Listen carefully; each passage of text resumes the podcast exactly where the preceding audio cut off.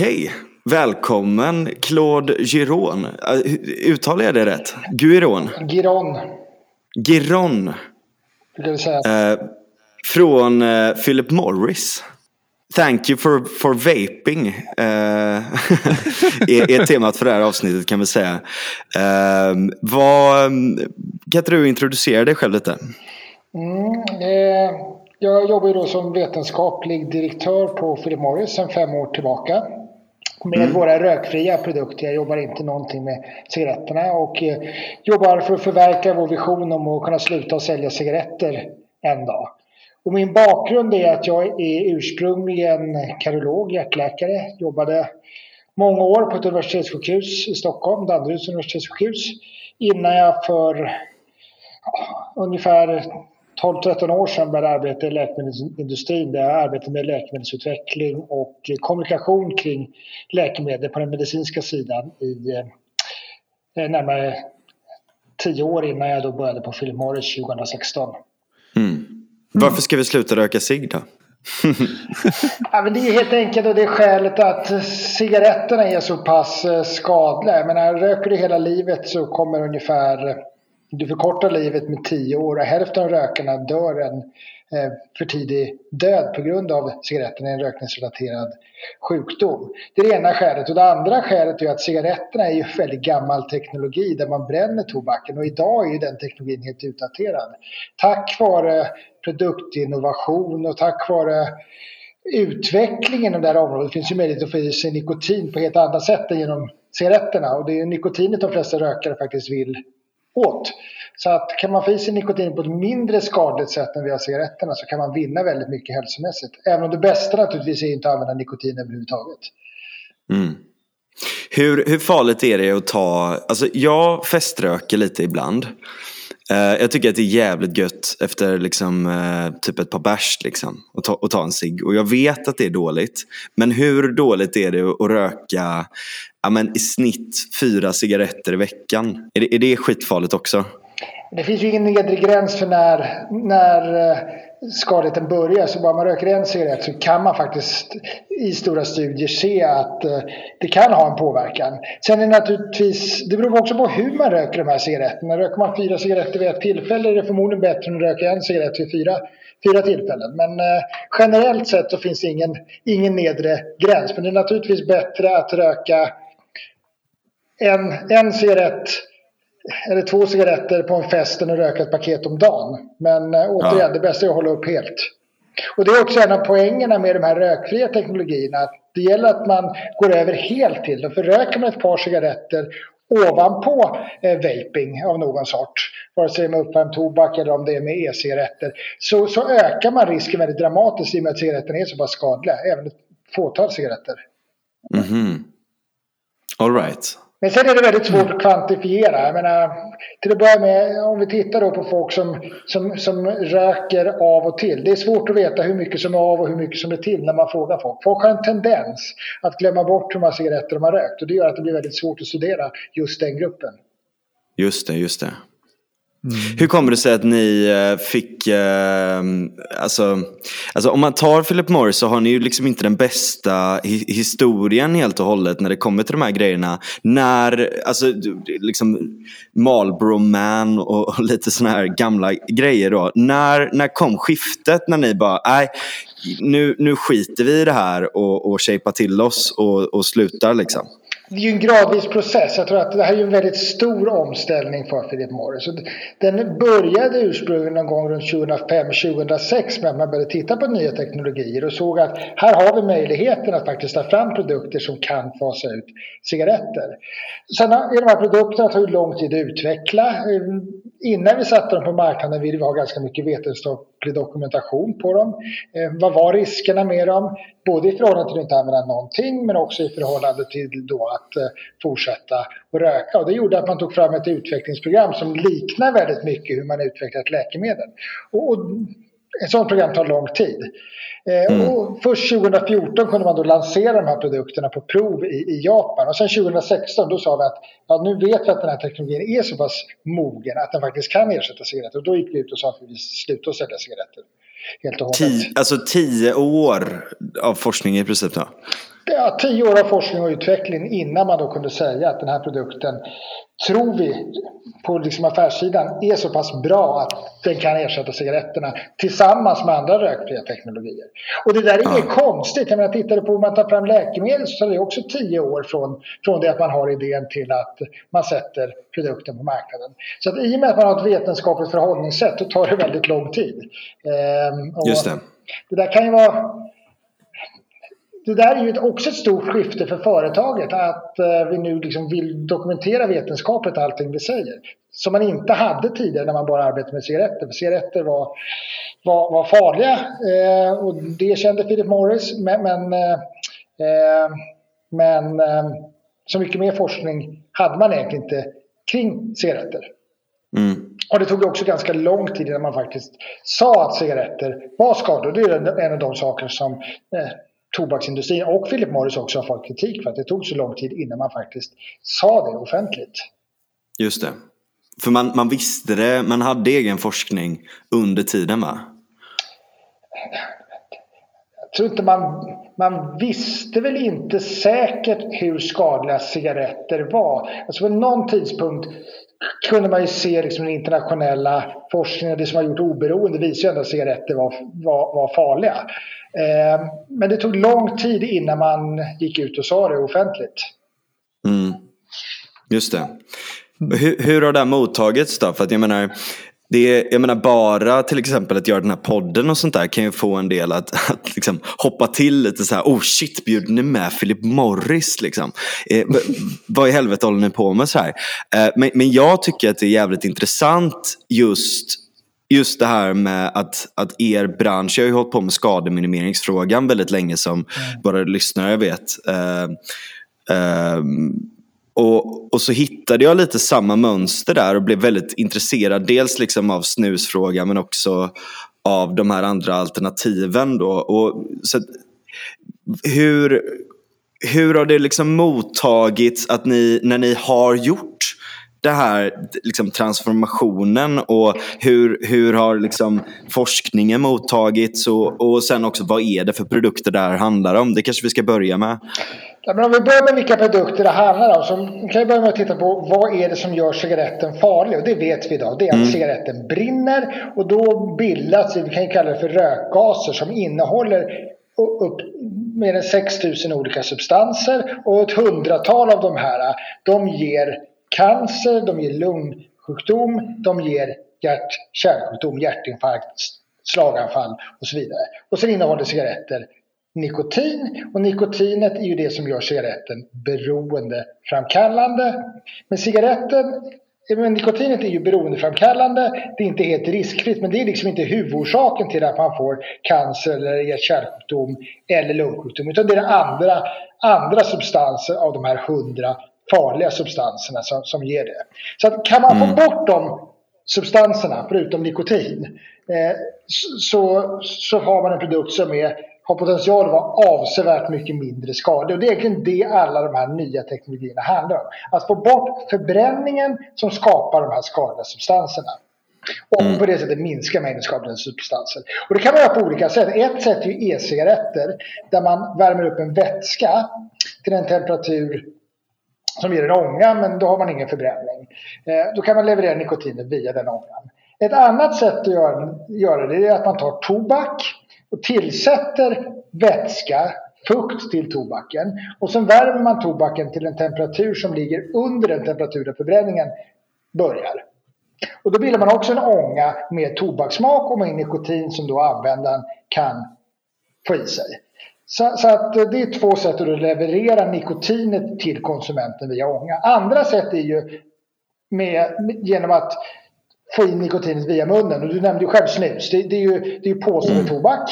Eh, en mer ny variant är att man tar ut nikotinet ur tobaken, tillsätter till ett annat bindmedel och får tobaksfria nikotinpåsar. Mm. Eh, det är det man ibland kallar för tobaksfritt snus. Vilket jag tycker är lite felaktigt här, för det är ju inte snus, för det är inte tobak. Så nikotinpåsar tycker jag är en bättre term, för de innehåller ju i princip bara... Fjollsnus kan man också säga. kan man säga. Eh, men eh, jag tror att tittar idag så, så uh, används ju det här av uh, både män och kvinnor och både skogshuggare tänkte jag säga och, uh, och, och förskollärarinnor. Så jag tror inte man ska... Nej, det är sant. Jag har också, jag kan säga det, jag kan skämta om det för att jag har haft sånt själv. Så då, då får man skämta om det. Eller jag, jag har konsumerat sånt snus. Men hela, hela poängen är ju liksom hur får man i sig nikotin utan den skadliga röken? Det är egentligen det som är poängen. Och sen kan man ju tänka sig en massa andra sätt att göra det här på också. Jag menar, vi har ju också läkemedel som innehåller nikotin. Nikotintuggummirna, principen är precis samma sak där. Det är också nikotin från, från tobak som man har satt i tuggummi. Som man går runt och som man tuggar på. Så det är också samma princip. Få bort förbränningen men få i dig nikotinet. Det är det som är idén. Nikotinet då? Hur, hur skadligt är det egentligen? Men nikotinet ger ju beroendet. Det är ju otvetydigt att nikotin ger beroende. Och sen så ja. är nikotin skadligt för vissa grupper. Absolut. Jag menar, är man gravid ska man inte använda nikotin för att påverka fostret eh, som inte är fött. Barnen blir mindre. Eh, du har risk för för tidig födsel. Man kan se i studier på snus att snusar man väldigt mycket, mer än fem doser per dag, så har man en ökad risk för typ 2-diabetes, sockersjuka helt ja. enkelt. Men det är eh, jävligt mycket med fem doser per dag. Nej, förlåt, ja, fem doser per vecka. Fem doser per vecka. Ja, fem doser per, okay, vecka. per vecka. Fem jag menar, ja. Tack för att du korrigerar mig. Fem doser per vecka. eh, och man kan också se att eh, om man har haft en hjärtinfarkt så har man större risk att få en ny hjärtinfarkt om man använder snus. Eller snarare dö av sin andra hjärtinfarkt. Det där har att göra med att, att, att, snuset förmodligen drar samman blodkärlen en del. Och det kan då göra att man tar bort lite av reservkapaciteten som man behöver om man får en hjärtinfarkt. Så är man, är man hjärt-kärlsjuk så ska man inte använda någon typ av nikotin. Och sen vet man ju att barn och ungdomar, de ska absolut inte använda eh, nikotin för att de har en större risk att bli beroende och eh, det kan också möjligtvis så att, vara så att nikotinet påverkar hjärnans utveckling. Så är man under 18 år ska man definitivt inte använda någon nikotinprodukt. Mm. Och det är därför vi har en åldersgräns i Sverige på cigaretter och på snus. Och förhoppningsvis snart även på de här nikotinpåsarna. Just det. Det där är intressant med de här studierna med, eh, med barn och sånt där. Eh, även runt alkohol eller olika droger och sånt också. För det kan vara, i vissa fall så kan det vara omvänd kausalitet också. Att folk som generellt sett drar sig till eh, riskbenägna beteenden eh, mm. och anti, vad ska man säga, eh, anarkistiska beteenden. Ehm, nej, nej, Sådana som du Frans. Ja men precis. Ehm, nej, men folk som gör det alltså har Uh, är, är liksom en liten annan subset av uh, populationen vilket också kan konflikta datan lite. Men såklart, Men det, kids ska såklart inte snusa. Det är ett av problemen med alla de här epidemiologiska studierna att det är ju svårt att korrigera. Epidemiologiska studier, sådana studier man tittar liksom på olika grupper. Att det är svårt att fullt ut korrigera för alla typer av beteende. Och en sak, en sak, sån sak som är svårt att korrigera för det är om man har ett allmänt riskbeteende. Det vet man är svårt att, att titta på eh, mm. och att korrigera, korrigera för. Men i fallet barn och ungdomar så det är ju rimligt att man har en försiktighetsprincip ja. så man inte gör, ja, det det. gör liksom folk beroende som är under under 18 år. Och vi har sagt att med alla de här nya produkterna så siktar vi in oss på de rökare som inte klarar eller inte vill sluta röka. Eh, mm. För att det bästa är ju alltid att sluta helt. Men det finns en ganska stor grupp som, av rökare som faktiskt inte vill. Och en stor del av som inte klarar att sluta röka. För att vi har ju i ja, Sverige ändå nästan i storleksordningen 500 000 rökare och man kan väl anta att många av de här antingen vill de inte eller så har de inte klarat att sluta röka. För att eh, mm. de flesta gör väl ett försök om de röker i alla fall att sluta. Ja precis och där kommer det också till en avvägning mellan att det, det, är klart att det är dåligt att göra ett visst beteende. Men är du en vuxen person som, så bör du få ta beslut som inte är perfekta heller. Jag menar, vi tillåter folk att äta enorma mängder socker socker till exempel, eh, eller transfetter, eh, eller, eller ja, onyttig mat i allmänhet och inte röra sig eller eh, ja, det ena och det andra som också är extremt farligt. Men, men det förbjuder vi inte heller. Så att någonstans är det så här, ehm, man kanske ska vara lite försiktig också med vilka beslut man tar om folks hälsa över huvudet på dem. Istället erbjuda bättre alternativ som ni gör då. Mm.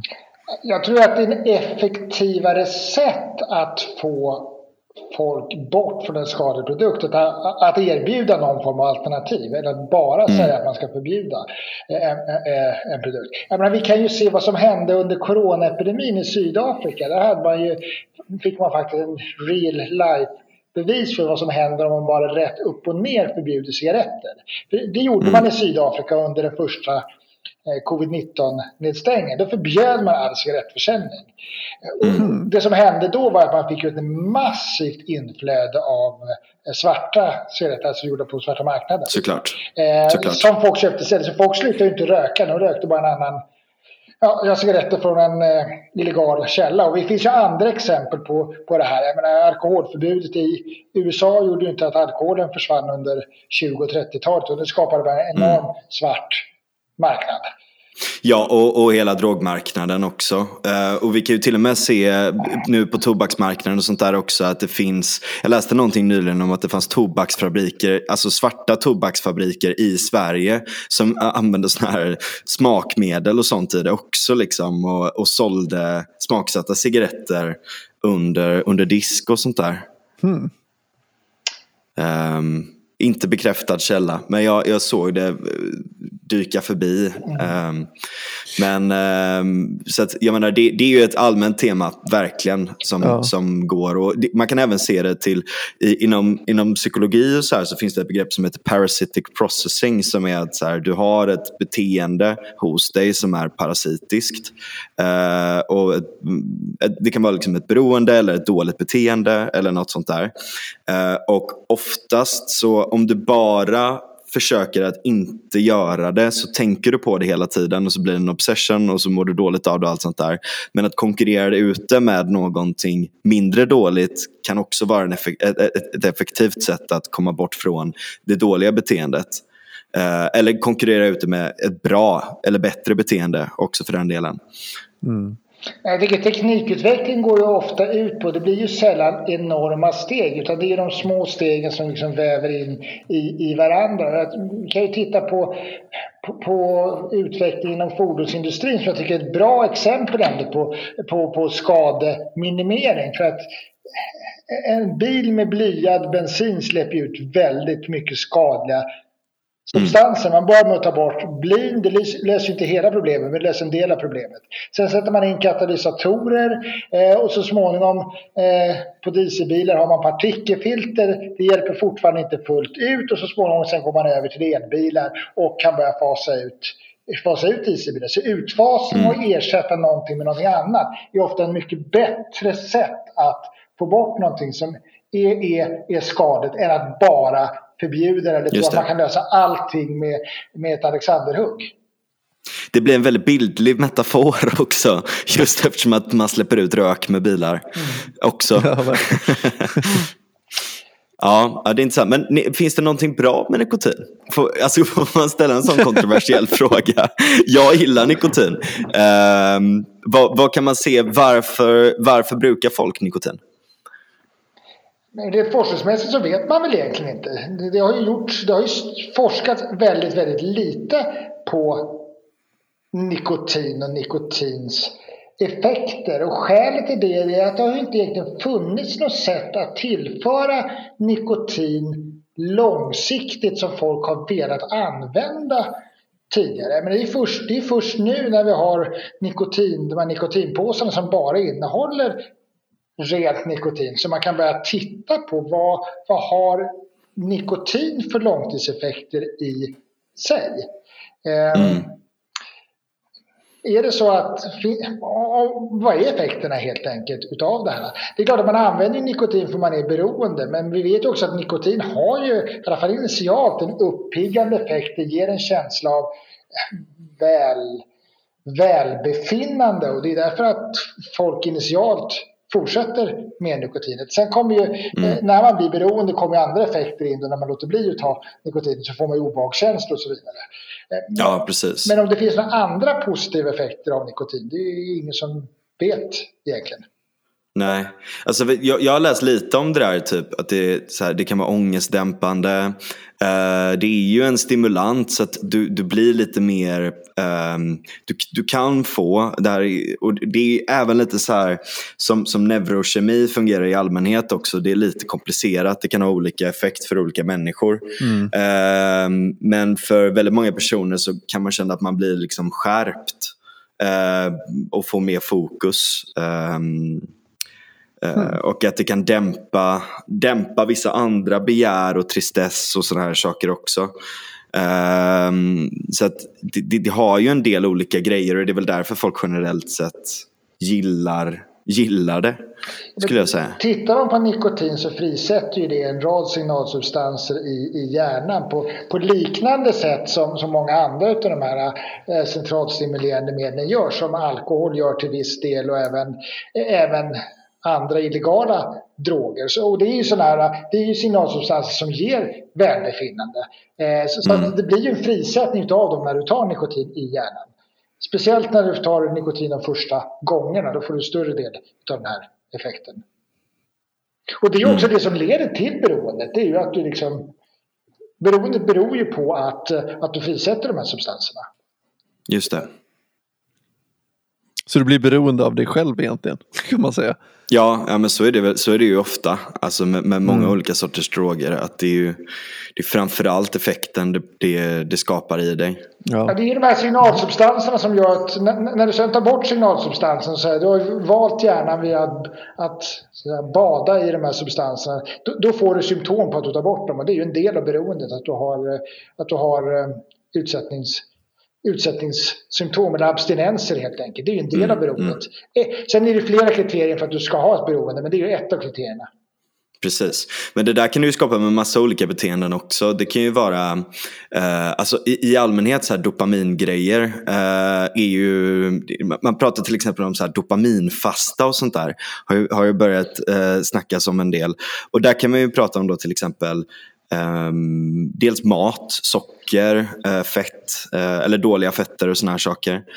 Eh, dels att kolla på telefonen hela tiden och, och ha den här instant gratification eller att det bara dundrar förbi nya inlägg på TikTok som är liksom maximerat för capture, att du ska sitta där så länge som möjligt. Och sen när du tar bort det så får du ju en abstinens av det ständiga flödet av stimulans eh, som skapas fast inte genom en yttre kemikalie då utan eh, snarare liksom genom ett eh, beteende.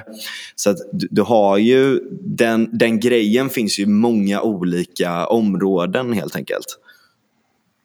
Ja, men hjärnan, hjärnan är ju påverkningsbar för olika stimuli, vare sig de är kemiska eller de är på andra sätt också. Så att, mm. är det. Samtidigt ska man ju komma ihåg att hjärnan är ju också gjord för att kunna hantera olika, olika stimuli. Men det finns ju mycket forskning som visar att eh, om man har rökt en cigarett så ser inte hjärnan likadan ut efteråt. Nej, det gör den naturligtvis inte. Mm, det är korrekt. Men samtidigt när du läser en bok kommer heller inte hjärnan att se exakt likadan ut. Utan att dra en likhetstecken mellan, mellan att röka en cigarett och att läsa en bok så är det så att hjärnan, hjärnan förändras ständigt. Din hjärna är inte likadan nu som den var i morse.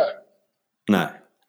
Precis. Det är, alltså inte, det är inte helt enkelt att, att, att leda i bevis vad som är vad i, i den här i, i, i, studier kring förändringar i hjärnan. Men helt klart är ju så att nikotin är väldigt, väldigt beroendeframkallande. Det är, så är det. Och cigarettrökning är väldigt beroendeframkallande. Precis. Nej, men jag menar inte relativisera det heller. Utan det, men jag tror att det är nyttigt där att, att, att eh, jämföra olika sorters eh, beroende och beteenden. Men, men det där är väldigt intressant. Just den grejen du säger där om hjärnan till exempel. Det är ju en sån grej som brukar pumpas ut av de här organisationerna som Tobaksfakta eh, och dylikt. Som är direktfinansierade av eh, Folkhälsomyndigheten eh, och rätt välfinansierade av diverse kommuner och, och dylikt som eh, anställer dem för olika ehm, föreläsningar och kampanjer och sånt också. De brukar ju köra, de är ju inte riktigt kända för alla som har liksom lite insikt i frågan så är de inte direkt kända för att hålla sig så mycket till vetenskap. Och här är en sån grej som de utnyttjar då. ofta. Jag tänker att vi kan gå in på dem lite mer sen för jag har några andra frågor innan det. Eh, men, men just den här grejen om att det bygger om hela hjärnan och sånt där. Det är väldigt, väldigt dramatiskt runt alla de här grejerna. Eh, och eh, och, och, och, det man hänvisar till då, det är lite roligt eftersom att jag, jag är ändå liksom lekmanna plus inom, inom liksom kognitionsvetenskap och neurologi. Jag har en kandidat. Liksom. Eh, så att när man kollar på hur de resonerar runt de här grejerna så fattar man att de har ingen koll av hur hjärnan funkar överhuvudtaget. Eh, när, de liksom slår på den här dramatiska grejen. Liksom. Nej, men att, att hjärnan förändras, det är ju riktigt. Men ibland så har man ju debatten när man får hjärnskador. Att hjärnan förändras är inte samma sak som att man får hjärnskada. Då tycker jag att Nej, det drar man lite långt om man för fram sådana såna ståndpunkter. Ja, precis, precis. Men, mm. men innan det, eh, lite som de här stora eh, penseldragen som jag drog innan. Eh, hur, hur har eran forskning på det här mottagits? Jag tror att det beror på var du tittar. Mm. Som du själv nämnde, vi har ju ett historiskt problem i tobaksbolag. Att man eh, under lång tid bedrev drog fel slutsatser av sin egen forskning, så kan vi väl säga. Och det har ju gjort att Tobaksbolaget blivit svartlistade av en rad olika vetenskapliga tidskrifter. Där kan vi överhuvudtaget inte publicera våra artiklar. Ehm, mm. Så där kommer inte artiklarna in och det gör att väldigt många vet inte om den forskning som vi faktiskt har gjort. Ni, jag antar att ni är liksom väldigt öppna med all data, hur ni samlar in den, metodologin och hela den här biten också då? Ja, vi publicerar ju alla studier i, i peer-reviewed tidskrifter. För det finns ju tidskrifter som är peer-reviewed som accepterar, eh, accepterar artiklar från tobaksindustrin. Och där publicerar ja. vi den forskning vi gör. Så det är ju väldigt, väldigt transparent. Vi är också transparenta med, med när vi startar studier, vi lägger in dem i register. Man har möjlighet att komma och besöka eh, vårt eh, forskningscenter om man vill nere i Neuchâtel mm. som forskare.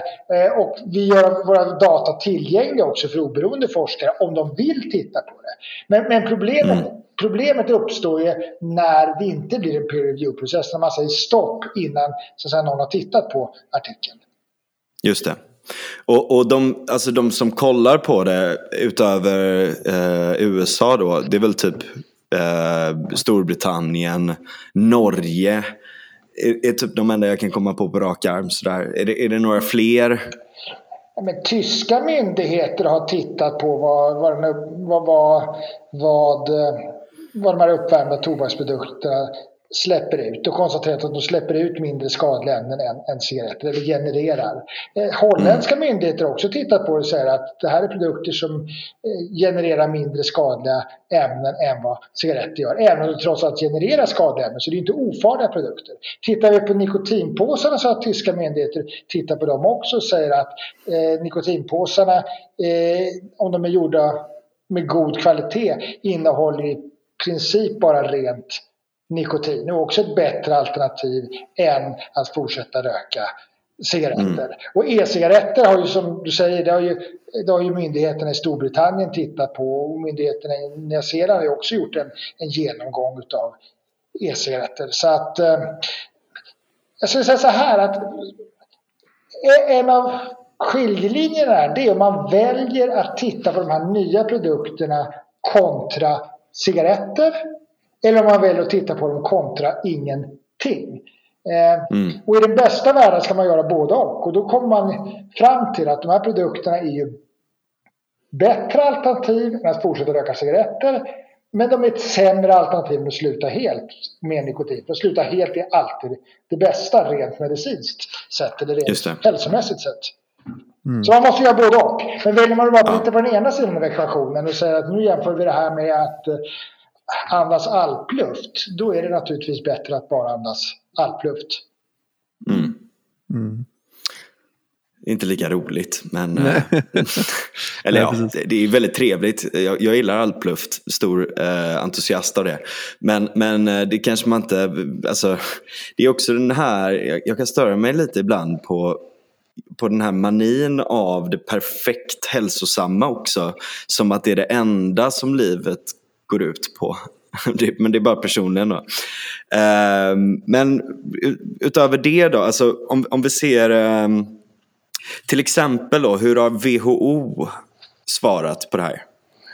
Men WHO säger ju att eh, de här produkterna kommer från ett tobaksbolag till att börja med och därför kan man inte lita på forskningen. Sen säger. WHO också att de här produkterna släpper ut skadliga substanser, både e-cigaretter och uppvärmda tobaksprodukter. Och, och eh, även, även snus innehåller ju en del skadliga ämnen förutom Mm. Och, och nikotin.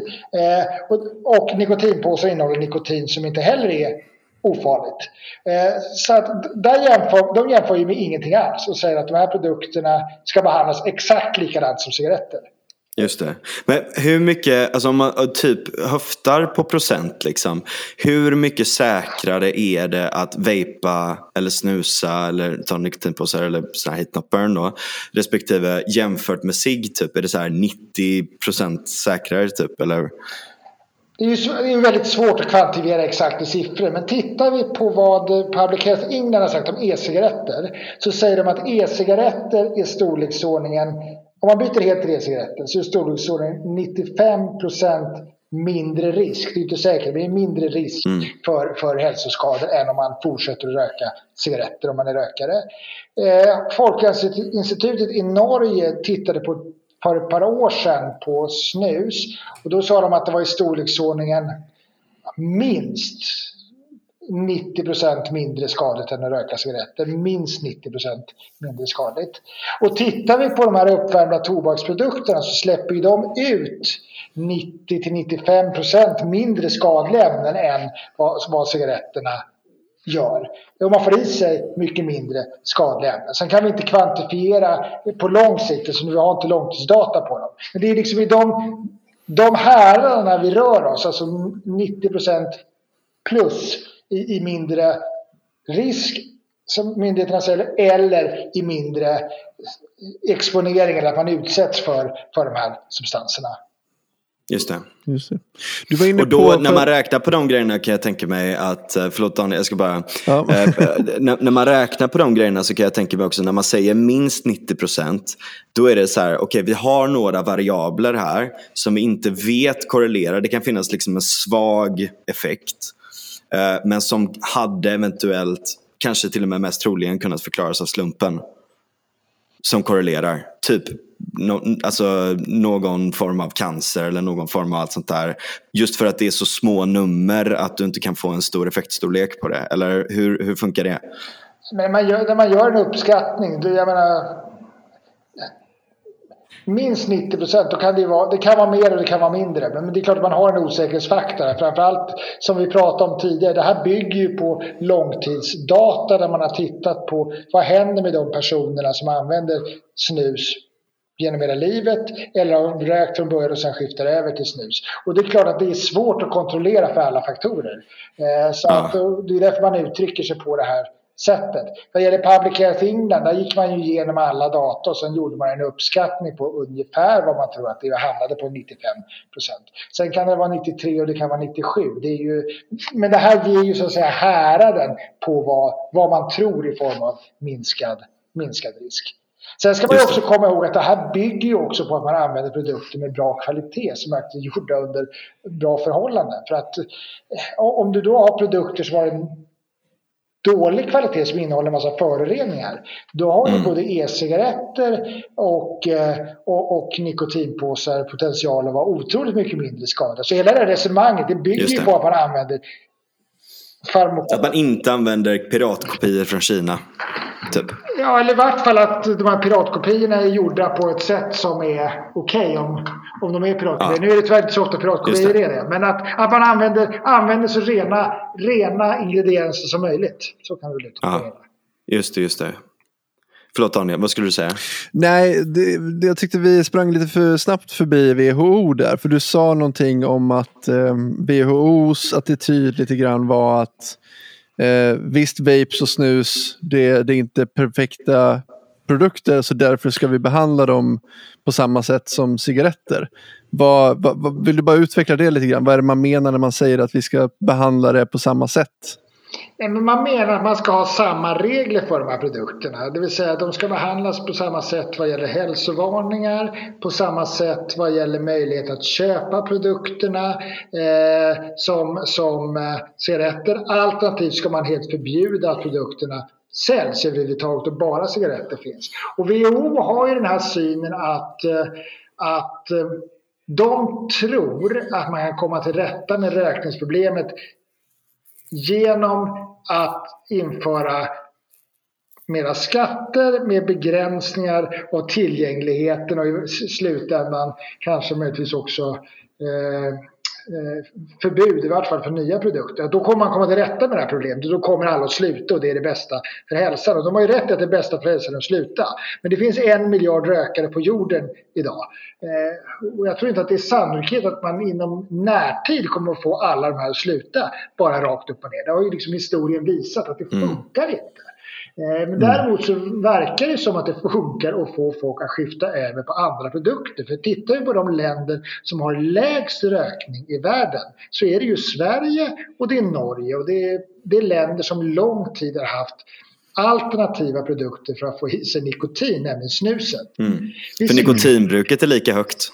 Nikotinbruket är i samma storleksordning i alla fall som det är i resten av, resten av Europa. Mm. Vi ser ju också länder som Storbritannien som, ni, som de senaste åren har där, där myndigheterna har faktiskt sagt att om man är rökare och inte klarar att sluta så bör man skifta över till e-cigaretter. Det säger myndigheterna, det säger deras doktorer om man går till doktorn. Ska, då, ska, ska läkaren säga det om du är rökare att om du inte slutar skifta över till e-cigaretter. Och där har man ju haft ett snabbare fall i rökningen sen man började med det här än vad man någonsin har haft. Vi kan titta på mm. Japan där vi introducerade den här uppvärmda tobaksprodukten 2014. Eh, där har också rökningen gått ner snabbare än vad den någonsin har, har gjort. Alltså rökning av cigaretter har gått ner snabbare än vad det någonsin har gjort. Till förmån för då användningen av de här uppvärmda tobaksprodukterna. Så, så, det fungerar ju som ett sätt att få bort folk från röken och från alla skador och många av de skadliga substanser som faktiskt finns i röken. Just det, just det. Ja, det WHO är ju fan ett kapitel i sig också. Jag skriver en, eh, en gästledare på GP om det där. För att jag, jag blev helt knäpp på frågan. Och det följer exakt samma mönster som väldigt mycket av liksom, narkotikadebatten har handlat om. Och ja, väldigt precis. mycket hur de här organisationerna har hållit på hit och dit och allt sånt där. Eh, men här är det typ nästan ännu mer extremt skulle jag säga. För att på de här Uh, alltså det, det, det, finns, man kan söka på YouTube och sånt om det också. Uh, de journalister som inte är helt okritiska uh, och typ i princip inga journalister överhuvudtaget i många lägen har fått komma, har fått vara med på de här mötena. Det är liksom, man stänger dörrarna och då får inte journalisterna vara med längre när man ska diskutera fram de här olika förslagen som sen i många länder ratificeras som lag. Eh, typ till exempel eh, som man har försökt göra i, i Sverige. Då. Eh, och, och, det är ju lite, där, där kan man ju snacka vem, vem har mest transparens egentligen då?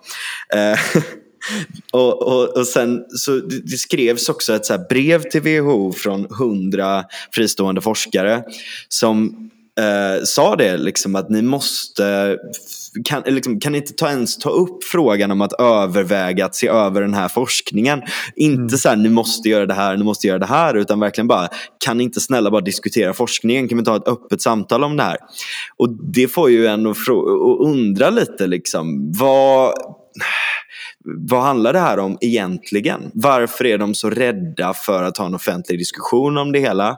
Och sen då när ANDTS-strategin eh, som är motsvarande alltså alkohol, narkotika, tobak, doping och spelstrategin ska göras i Sverige så, så sker samma sak. De enda intresseorganisationerna, de enda, alltså de enda externa aktörerna som får vara med är eh, affilierade organisationer i princip till det som, ja, det som man redan tycker. Det är bara de här antiorganisationerna som i sin tur inte heller granskas så mycket. Um, och eh, när man tar fram typ ANDTS-strategin till exempel, då, då var det i princip WHOs rekommendationer rakt av. Plus att man skulle ge, eh, man skulle satsa mer på förebyggande verksamhet utan att specificera det. Vilket automatiskt då blir att de här olika organisationerna som är ja, quasi-NGOs eftersom att de blir direktfinansierade av statliga medel. Eh, då, då, blir ju de bara, det är bara att de ska få mer pengar helt enkelt. Är det, är, är det så illa som det låter det här? Är, är det verkligen det? för det, det, så kan man ju inte hålla på. Det, det är ju en skymf för hela vår institutionella miljö tycker jag i, i en av de kanske viktigaste hälsofrågorna. Det som är synd är att man ser ett motsatsförhållande mellan skadereduktion tycker jag och prevention och, eh, och försöka få folk att sluta helt med nikotin. Jag menar, man, man, man, kan göra alla de här tre sakerna. Jag menar, ja. Idag är vi i Sverige väldigt framgångsrika faktiskt på prevention och få folk att börja med, med, med nikotin överhuvudtaget. Eh, nikotinbruket går ju faktiskt ner, det totala nikotinbruket går ner i, i de i åldrarna 18 till, till 30 och rökningen går ner extremt mycket. Det är bara 3% som röker i Sverige. Så prevention är vi duktiga på i Sverige. Vi är också duktiga på att försöka få folk som röker att faktiskt sluta röka.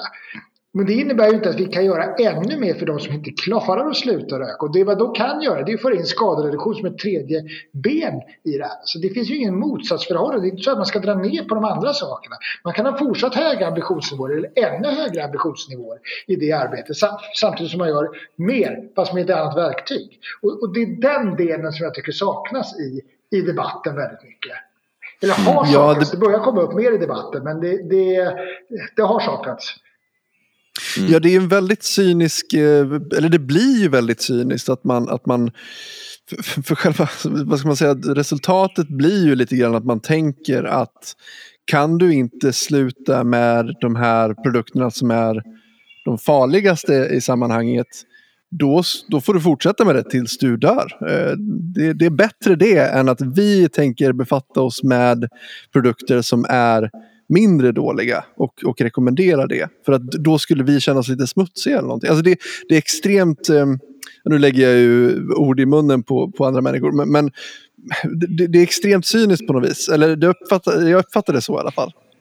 Ja, men det, är, eh, alltså det är känslomässigt styrt och jag tror att det finns en bild, en bild av att man bara kan få alla att sluta omedelbart om man bara gör rätt saker. Men, men eh, folk Många, många rökare slutar inte. Det är som du säger och då får de hälsoskador. Det är, jag, jag, tycker inte det är acceptabelt att man inte då erbjuder dem något alternativ som i vart fall är bättre än fortsatt rökning. Mm. Ja, och det är väl inte ens så att man inte erbjuder, man, man, man förbjuder väl bättre alternativ. Det är väl det som är ja, själva problemet. Så, så Alternativen ju, finns till och med. Ja, precis. Man gör ju någonting aktivt för att stoppa människor från att faktiskt ta sig ifrån de värre produkterna. Och det tycker jag är värre än om man inte skulle göra någonting alls. Alltså det är ju, det är ju aktivt på något vis. Och det, mm. Ja, det, det är mm, väldigt hemskt.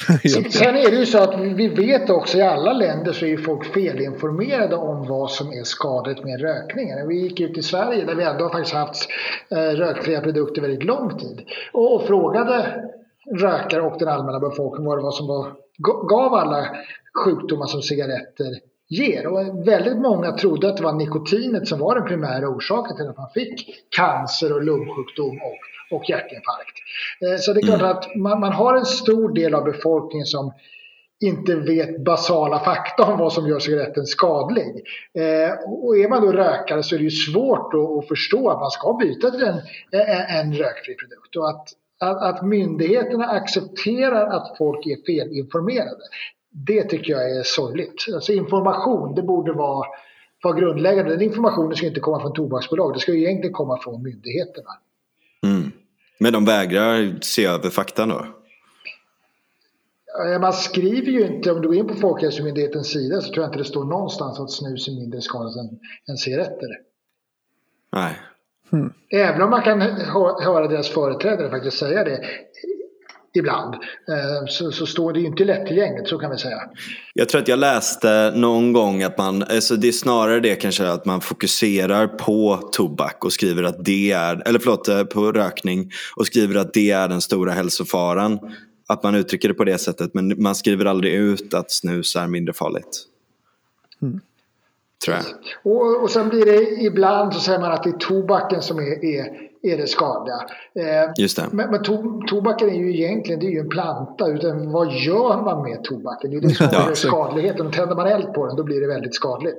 Och det, jag menar, det, det, egentligen vad man än tänder eld på så blir det väldigt, väldigt skadligt. Det bildas ju rökgaser. Så det, det är precis samma sak som om du eldar ved i, i kakelugnen. Ställer du och andas in mm. de gaserna, det är inte sunt på något sätt. Det vill de ju förbjuda också. Det kommer också ge lungcancer så småningom. Eh, för det, till stora delar är det ju samma kemikalier som bildas när du eldar ved som när du eldar tobak. Det är eldande som är problemet. De vill ju förbjuda kamin, kaminer också.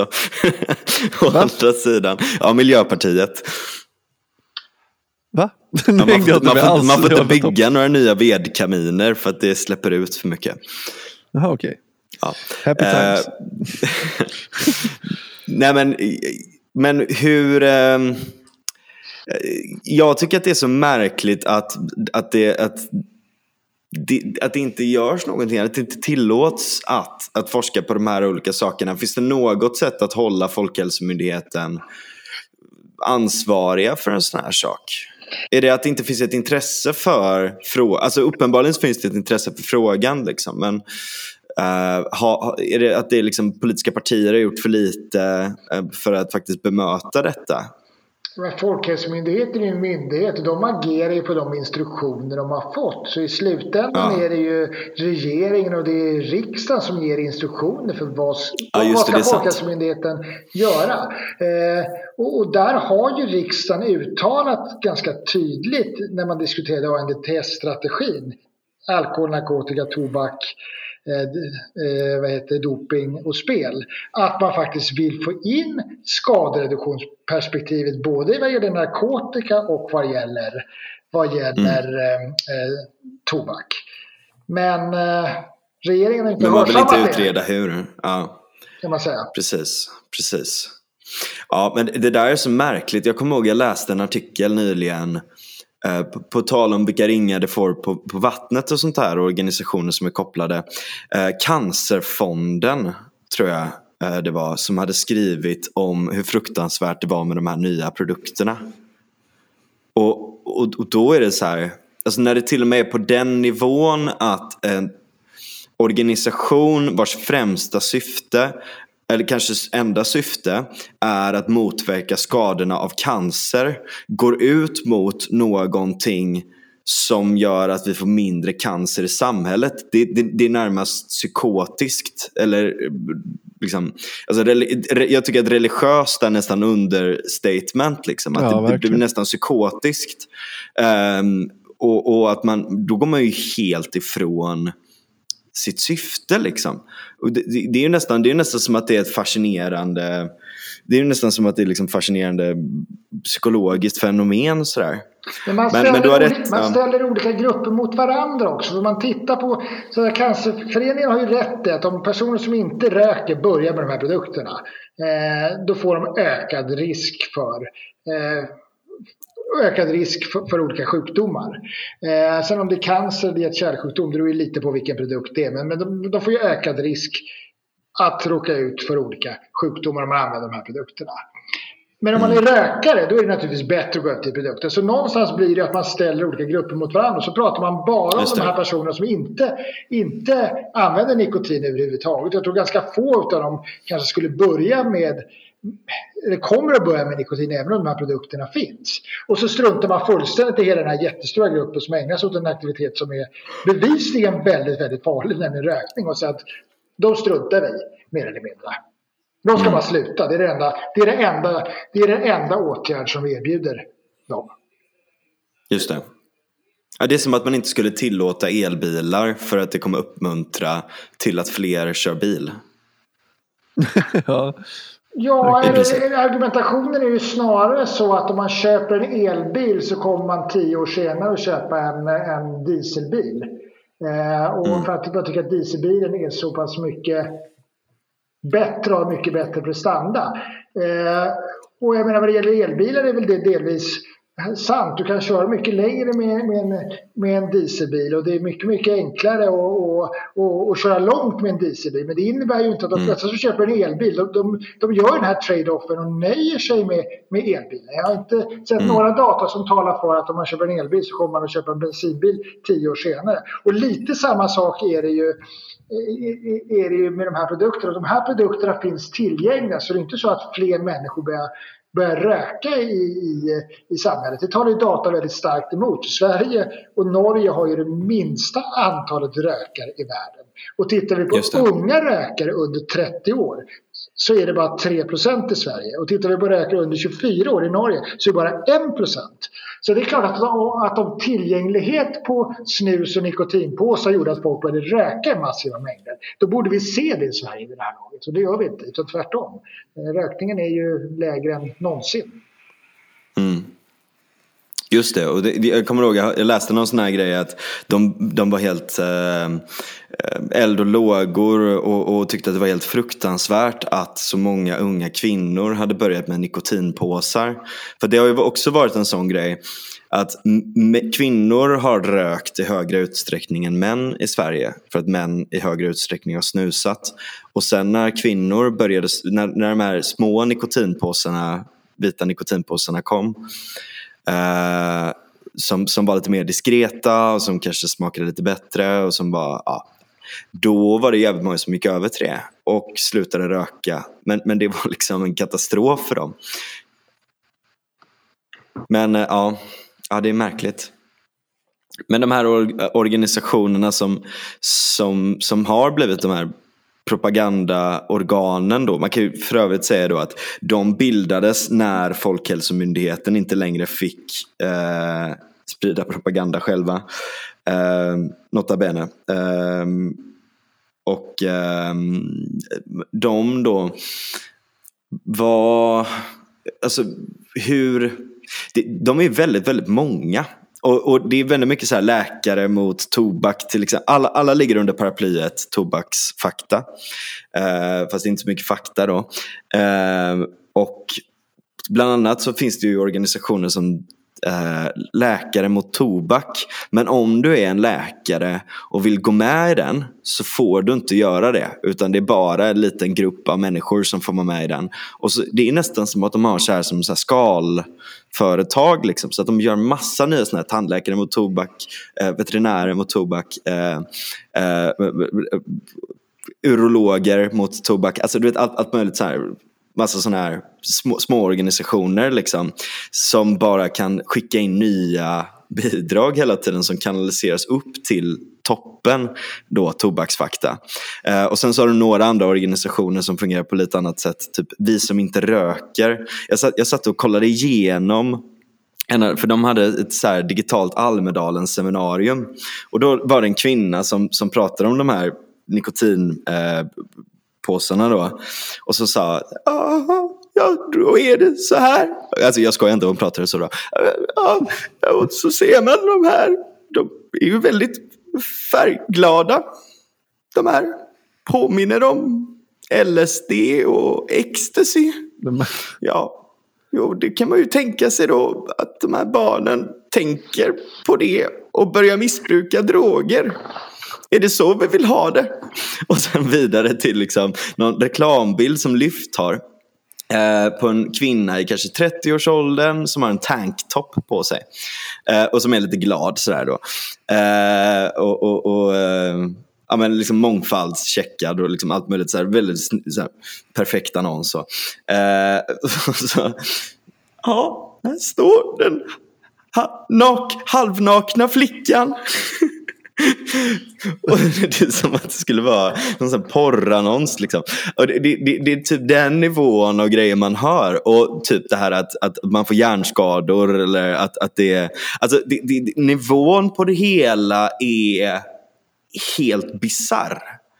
Och, och det, det, går som sagt då i, i, genom alla de här olika organisationerna.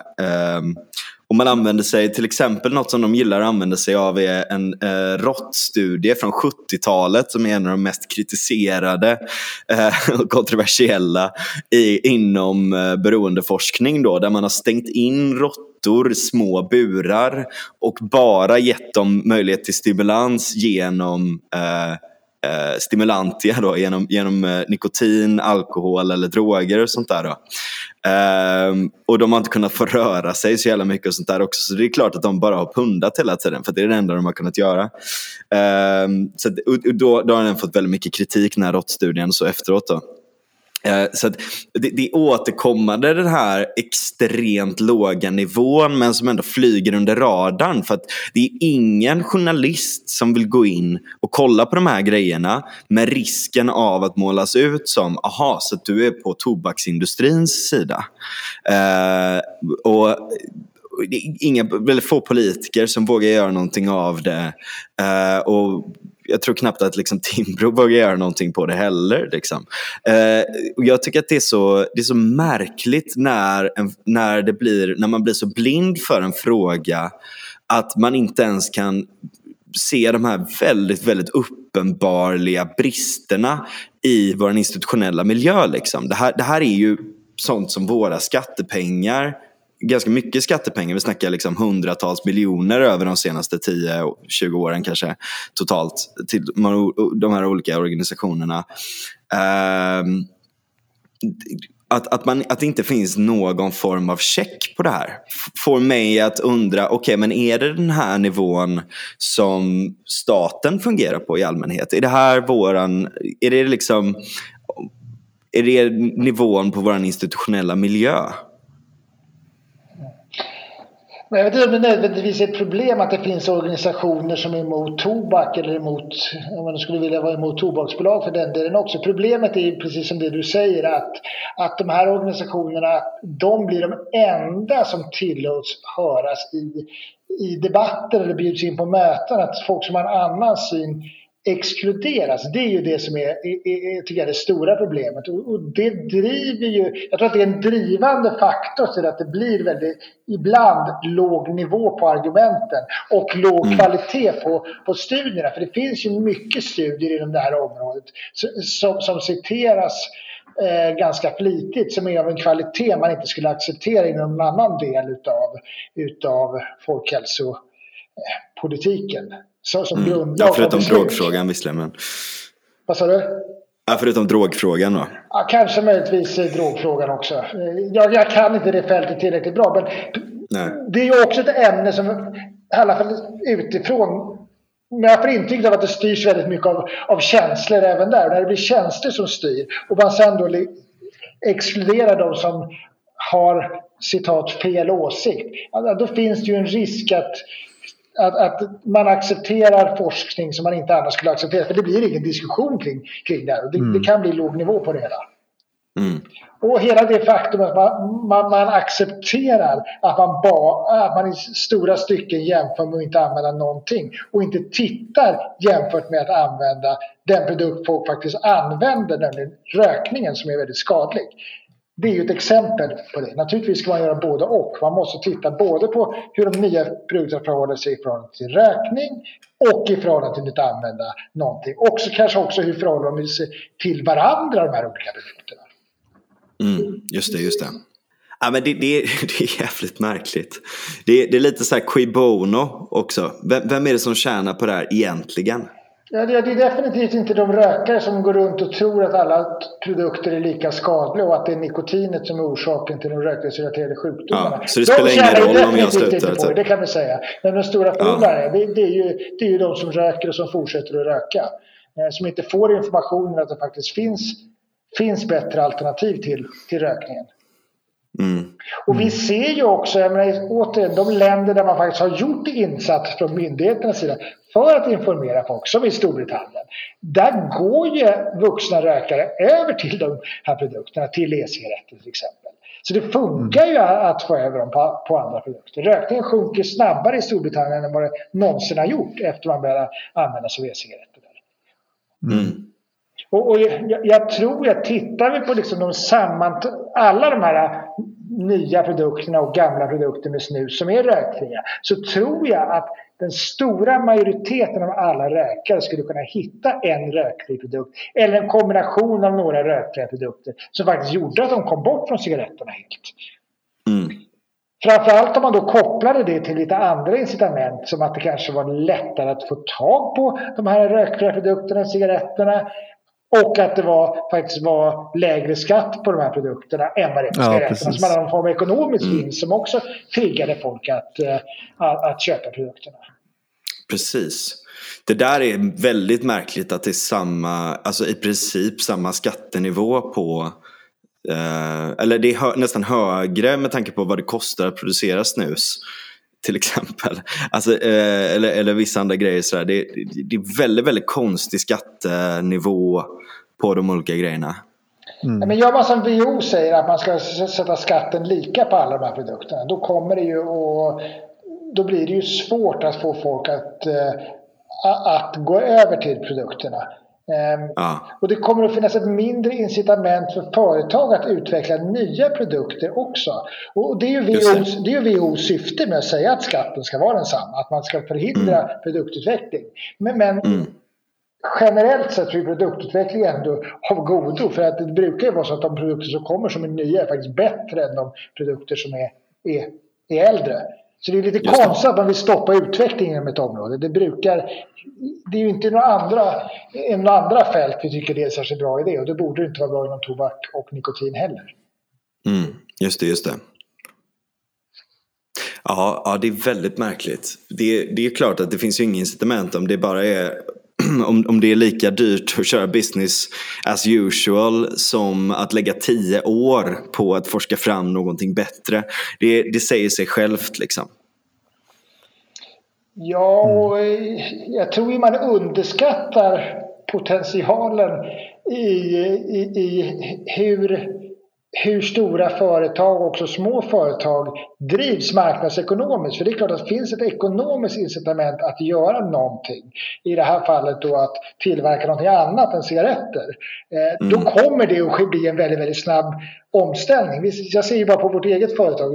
När jag började för fem år sedan kom, en, kom 2% av intäkterna från de rökfria produkterna. Nu kommer 30% av våra intäkter från de rökfria produkterna. Vi räknar, oh, jävlar. vi räknar med att 2025 kommer 50 att komma från de rökfria produkterna. Och sen så småningom, då är vi i en position där, där, där, där, cigaretterna väldigt snart kommer att börja fasas ut. Ja. Så det finns liksom, man gör, alltså företag fungerar på det sättet att de gör ju det som genererar störst vinst. Mm. Eh, och, man allokerar eller sätter, avsätter resurserna till de områden där man har störst potential att växa. Och det är ju definitivt inte mm. inom cigaretterna ifall man ger förutsättningar för de andra områdena att växa. Precis. Och i, i det här med att gå med vinst så finns det ju också eh, värdet av tillit, transparens, inte minst när man håller på med en produkt som nikotin. Ja, så är det ju. Så är det ju. Och jag menar, det, finns ju ett, det finns ett värde för oss och det är därför vi, det, det, vi är transparenta av flera skäl. Dels för att det är det rätta att göra, för att folk har möjlighet att gå in och studera eh, vår forskning. Men det är ju också ett sätt att visa att vi har inget att dölja som också har ett värde för företaget i, i, i rent ekonomiska termer. Jag menar, aktiekursen påverkas ju också av vilken goodwill ett företag har. Mm. Eh, så, så, att eh, Just tror man ska inte underskatta de ekonomiska incitamenten för företag att, att företag kan göra, det är lättare för företag att göra det rätta om det också finns en ekonomisk plussida för företag. Mm. Precis, precis. Ja, och att eh, från, från politiskt håll snarare istället för att gå in och detaljreglera och allt sånt där utan sätta ett mål istället då kanske för skademinimering eller för alltså att, att jobba mer på det sättet? Ja, men jag tror ju att om man hade haft som mål i, i, i tobakspolitiken på samma sätt som alkoholpolitiken att minska skadorna utav, utav mm. nikotin. Då skulle ju politiken se helt annorlunda Mm. För när vi, vi ser från alkoholområdet hur otroligt framgångsrikt det har varit att skifta folk från starksprit som folk drack på 70-talet över på vin och, och öl istället. För det är klart att det, både öl och vin det är ju inte produkter som är, är ofarliga men det är ju naturligtvis bättre att dricka öl och vin än att dra i sig starksprit. Så är det ju. Precis, precis. Mm. Ja, där, där kan man ju till exempel se Mattias Svenssons bok eh, Så roligt får vi inte ha det. Eh, med väldigt, väldigt intressanta paralleller till diskussionen vi har här om eh, eh hur förbudstiden påverkade den svenska alkoholkonsumtionen där vi då paradoxalt nog eller eh, som, som folk som har sett sett de här frågorna gång på gång på gång på gång ledde till att vi började med starksprit efter att ha haft en ganska eh, spridd konsumtion av olika sorters varor. Av mm. öl, av punch till exempel och lite annat sånt där. Eh, och, ehm, och ja, Man kan se det under förbudstiden i Um, i, i, USA och sånt där. Jag har faktiskt ett roligt exempel också. Jag bodde i München ett halvår. Uh, och uh, så, så, stod jag utanför och snackade faktiskt med några som, några som var bryggerimästare uh, och, och bjöd dem på snus och de var så jävla glada för att det här var ju gott snus. Det enda snuset de kunde få tag på var Sibirien som en sån pack a punch liksom. Då försöker man få i så mycket nikotin och diverse annat som möjligt på så lite yta som möjligt så det blir som såna här riktiga cyanidkapslar liksom. Uh, och, och, det var det enda som smugglades in då för att det var mest effektivt. Mm. Mm. Och det där är, ja, det är riktigt, riktigt märkligt hur, ett beteende, liksom, hur de här sakerna bara återupprepas gång på gång på gång på gång. När det dessutom så sagt då finns, när det faktiskt till och med redan finns bättre alternativ. Jag skrev också kommer ihåg jag skrev en artikel där om, eh, om, om narkotikapolitik för länge sedan i GP också. Eh, och så avslutade jag med det också det, det här med att det bästa man skulle kunna göra för drogfrågan är ju samma sak där. Att man ska forska fram bättre rekreationella droger som inte är så destruktiva. Liksom. Och det är ett mönster som, man, som, som borde vara självklart liksom, på många sätt. Men det, men det är också det är mer kontroversiellt såklart än, än det här, men, men ändå. Liksom. Jag, jag tycker även på det här området, en no-brainer det skulle ju faktiskt vara att man verkligen reglerar kvaliteten och satte liksom kvalitetsstandarder. För det är ju någonting som, som vi vet, i varje fall från läkemedelssidan, att har man kvalitetsstandarder som man inte kan avvika ifrån då, får man ju, då blir det i alla fall inte produkten skadligare än vad den skulle behöva vara. Eh, och jag menar, det, det, är lite samma sak inbillar med, med, med narkotika. Att jag menar, har du en produkt som innehåller en väldig massa annan skit än bara mm. själva narkotikan som också är skadlig naturligtvis. Så, så blir det än, ännu mycket farligare. Så hade, Precis. Eh, hade man möjlighet att, att, att som brukare att testa om den här produkten var väldigt, var väldigt förorenad eller inte så skulle det rimligtvis vara bra för, för, för, eh, för användarna. Men vad jag förstår så det är ju inte någonting som man överhuvudtaget överväger på narkotikaområdet heller i Sverige. Alltså Schweiz eh, och några andra, lite i Portugal till exempel och på några andra olika områden så, så har man börjat med, med den här sortens grejer och man märker ju att det får en otrolig effekt. Mm. Det är även en del festivaler som låter folk testa sina grejer och sånt där också. Och eh, där är det ju det är mycket farligare. Eh, för att det, det kan vara skillnaden mellan, alltså, det, du kan ha typ fentanyl tillverkat i Kina. Det är en omvänd, ett omvänt opium war just nu där Kina bara pumpar ut riktigt, riktigt fula kemikalier och grejer. Så, så att det, det är ett väldigt tydligt exempel på de där grejerna.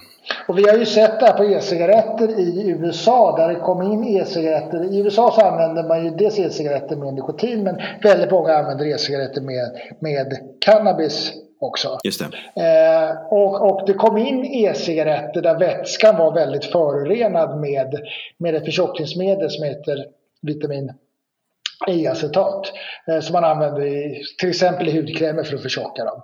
Eh, och när man mm. värmer upp det här vitamin E-acetatet då blir det väldigt, väldigt giftigt för lungorna. Och där fick man ett stort antal dödsfall beroende på föroreningar. Beroende på att man hade producenter som var mindre nogräknade. Det var, här var ju produkter som var köpta på svarta marknaden.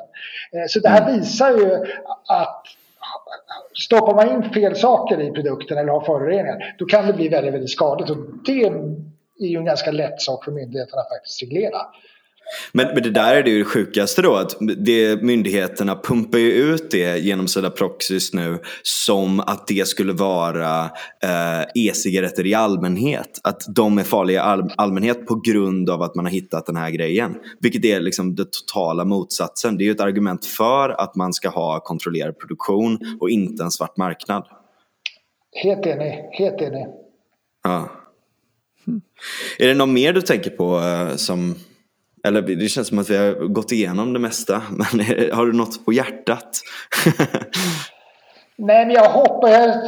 Tack, tack för att eh, vi fick, fick, blev inbjuden. För det är ju ganska sällan som någon, någon vill prata med tobaksbolagen som det är så stigmatiserat. Och vi försöker vara så öppna som möjligt. Eh, jag tror ändå vi, vi kan bidra med den forskning vi har gjort. Vi har ju som sagt var ägnat tio år åt att studera de här rökfria produkterna och eh, vi har investerat 70 miljarder i forskning, utveckling och produktion. Och det är klart att det är väldigt stora pengar och det gör man inte bara för, som eh, jag läste på en av de här äh, organisationerna du citerade för Tobaksfakta, som säger att vi gör bara det här som en ren marknadsföringsåtgärd. Det är ju naturligtvis inte så, utan vi tror ju verkligen på att vi kan ställa om hela vår affärsidé med det här. Men då, då måste ju informationen komma ut att de här produkterna är mindre skadliga än cigaretterna. Just det, så det är väldigt viktigt. Stort tack för det.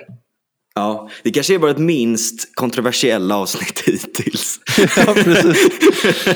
Nej men vadå, man, alltså, man vill ju ha, jag vill ju prata med alla. Det är, det är ju så man vill göra. Jag tycker att det är tråkigt att, eh, att det är så selektivt eh, i många andra kanaler. Eh, och, ja, jag, jag fegt liksom. Ja, jag tycker att eh, det är mycket Dum, mer intressant. Fegt. Ja, verkligen jag vill lära mig så mycket som möjligt från så många håll som möjligt. Så att, eh, absolut.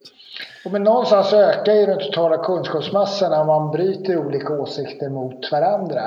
Eh, och mm. vi har ju sagt flera gånger att vi skulle gärna vilja diskutera tillsammans med Tobaksfakta eh, kring de här frågorna. Och för det är ju en hel del som Non-Smoke Generation och Tobaksfakta säger som är helt sant, som vi är helt eniga i att det är ett stort det är ett problem om folk under 18 år börjar använda nikotinprodukter. Då är frågan hur kan vi komma till rätta med det problemet? Och där tror jag också att man skulle kunna komma till rätta med problemet betydligt bättre än att vi sitter och funderar på vår kant vad vi kan göra och de sitter och funderar på sin kant vad de kan göra. För att en del saker är vi nog till och med eniga om att man skulle kunna göra och det skulle gå mycket snabbare att, att eh, få igenom det. Jag är övertygad om att hade vi pratat med varandra eh, eh, så hade det gått snabbare att få en 18-årsgräns på nikotinpåsarna än, än vad det har gjort. Det är fortfarande inte ens idag någon 18-årsgräns för att köpa sådana här nikotinpåsar. Och där är vi helt eniga, så det är ett exempel på att vi inte alltid har olika åsikter. Mm. Mm. Jag skulle gärna bjuda in Tobaksfakta till podden också. Eh, vi kanske ska säga det till våra lyssnare att vi att vi kommer göra det så får vi hoppas att, eh, att de vill vara med också och snacka om det här. Mm. Um. Ska, vi, eh, ska vi betta? Vadå? Du tror inte att de kommer gå med på det? Nej, det finns ingen chans. De är inte intresserade av det. Nej. Vi kan Nej, fråga. Jag, jag, vi, jag tycker absolut vi borde fråga. För att, ja, ja, det är klart vi ska göra det här. Det är klart vi ska göra det. Ja.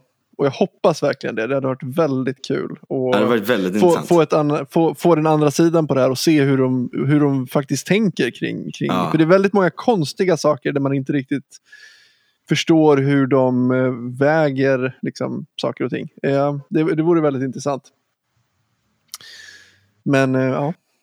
Ja men just det. Eh, det är ju en en grej till runt det där som är så jävla intressant och det är ju det här att de eh, vill förbjuda, ett, alltså ett, ett verktyg de har för att stoppa folk att börja, börja med vapes och börja med alla de här grejerna. Det är att de ska sätta in smakförbud och att det enda smaken man ska få ha på vapes och sånt är tobak. Och det är ju kanske typ höjden av idioti. Det är så här, bestäm er, antingen eller kan man tycka. Och, och an, att, att, att, förbjuda det helt är såklart skitdumt. Um, men, men det här med att liksom gå in och detaljreglera om en sån grej istället för att gå in och detaljreglera typ om kvalitetskontroll som vi snackade om. Det är ju riktigt bisarrt tycker jag. Men tittar vi på rökare som har gått över till framförallt då, det är ju vape och e-cigaretter, det är där smakerna är viktiga och naturligtvis också för nikotinpåsar som nikotin smakar ju ingenting i sig. Så de är helt smaklösa. Så är det ju väldigt många som vill använda andra smaker än tobak för att komma bort från tobakssmaken som faktiskt finns i cigaretter. Så det är ju ja. ett skäl som många anger för att komma bort, att det inte smakar tobak och inte liksom påminnas om, om cigaretterna. Sen gör man det här under bilden av att eh, man ska förhindra ungdomar att börja med de här produkterna. Men tittar vi på e-cigaretter i Sverige så är den dagliga användningen av e-cigaretter eh, väldigt, väldigt låg i, under, under 18 år. Jag menar, den ligger på enstaka procent som i de här sammanhangen får anses som lågt. Långt mycket mindre än vad, eh, än vad, vad cigarett rökning faktiskt i de här grupperna, även om det också är lågt. Så är det, det, användning av smaksatta e-cigaretter är ingen stor vara bland, bland ungdomar eh, i, i Sverige. Så Nej, det är ett förbud som framförallt kommer att drabba de som då har, har rökt tidigare, gått över till en alternativ produkt och hittat en smak som gör att de vill använda den alternativa produkten. Och risken finns ju att de här vuxna rökarna då kommer att gå tillbaka till cigaretterna. Det har man mm. sett från studier i USA till exempel där man införde smakförbud att, eh, att rökningen faktiskt ökade i, i de områdena. Ja, det är så. Man har till och med data på det. Ja, det finns data från San Francisco där man har jämfört områden med smakförbud kontra områden som inte har, har smakförbud. Det Fan, finns det också studier där man har frågat folk vad skulle du göra om det blev smakförbud? Och då säger 30 procent att jag skulle sluta helt. Lite grovt då. 30 procent säger väl att eh, ja, jag skulle nog gå över och köra vape med, med tobakssmak. Och eh, en 20 till 30 procent säger att eh, jag skulle nog gå tillbaka till cigaretterna igen. Så det här är en risk som är, den är ju reell. Ja. Mm. Och sen ja, har man ju också problemet då som vi pratade om tidigare att det man riskerar är att folk börjar blanda och mixa saker själva. Och, och eller köpa från icke-auktoriserade kanaler. Man köper någonting med smak. Och då, blir det ju, då har vi återigen det här kvalitetsproblemet. Ja, det är Vad är det egentligen de får i sig? De kanske får i sig ett smakämne plus en massa annat, en massa annat skräp som är den här vätskan för att den är tillverkad under förhållanden som inte är acceptabla och okej. Okay. Mm. Ja men och, och, ehm, eller som typ ja, i Danmark där då som eh, som liksom vill förbjuda nya generationer, eller Nya Zeeland har varit inne på det och sånt där också, att köpa några produkter alls och sånt. Då får man ju också den här grejen, då får du svarta marknader. Det är så uppenbart. Mm. Men tittar vi på Nya Zeeland, vad Nya Zeeland har gjort, de har ju infört ett förbud för att köpa cigaretter för de som är födda ett visst årtal. De kommer aldrig få köpa cigaretter. Men parallellt med det så gör man, eh, inför man också åtgärder för att få de här personerna som röker att skifta över till, till e-cigaretter. Så man, man tar bort, minskar nikotininnehållet i cigaretterna men man tillåter samma nikotinnivåer i e-cigaretter och uppvärmda tobaksprodukter. Man har hög skatt på cigaretter Eh, väldigt hög skatt på cigaretter, bara en hög skatt, alltså en lägre skatt på e-cigaretter och på uppvärmda tobaksprodukter. Just för att skifta över rökarna till de här produkterna. Och vad gäller 18-årsgränsen så säger man för cigaretter kommer man aldrig att få köpa det om man är född efter ett visst årtal. Men e-cigaretter, det kommer man att få köpa. Så att det är inte totalt nikotinförbud eh, i, i Nya Zeeland för kommande generationer. Så där erbjuder man de, de kommande generationerna erbjuder. Alltså, det, det, är tillgängligt ett annat alternativ att få i sig nikotin för att de inte ska börja med cigaretterna. Mm. Och det här har kommit bort väldigt mycket när man diskuterar det nyzeeländska förslaget. Eh, väldigt många tror felaktigt att Nya Zeeland har sagt att personer aldrig, i en viss generation aldrig kommer att få köpa nikotin. Men så är det inte. De kommer aldrig få köpa cigaretter. Däremot kommer de få köpa e-cigaretter och eh, uppvärmda tobaksprodukter. Okej, okay, okej. Okay. Ja. All right. Tack. Uh, ja. Och um, gött samtal. Tack för att du kikade förbi Claude. Tack för att jag fick vara med.